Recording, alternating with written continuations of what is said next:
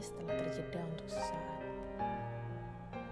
Apa saja yang sudah kamu lakukan selama istirahat kemarin? Apakah kini hatimu sudah membaik, atau justru malah sebaliknya?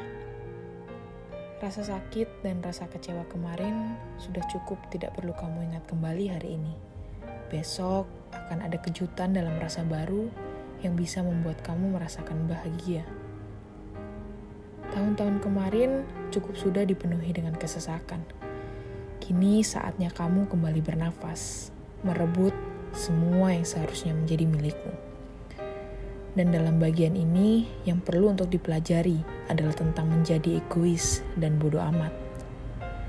Karena tidak selamanya setiap yang datang kepadamu dengan segala masalahnya adalah menjadi tanggung jawabmu. Tidak perlu repot-repot mengambil yang bukan menjadi bagianmu Kenapa selalu menjadikan yang bukan bagian dari kita menjadi bagian dari masalah kita? Tapi semuanya itu wajar. Perasaan manusiawi yang muncul yang tak bisa disalahkan. Hanya saja kita perlu membatasi diri. Sampai mana kita bisa membantu jika itu memang perlu. Dan yang lebih penting untuk difikirkan adalah tentang masa depan.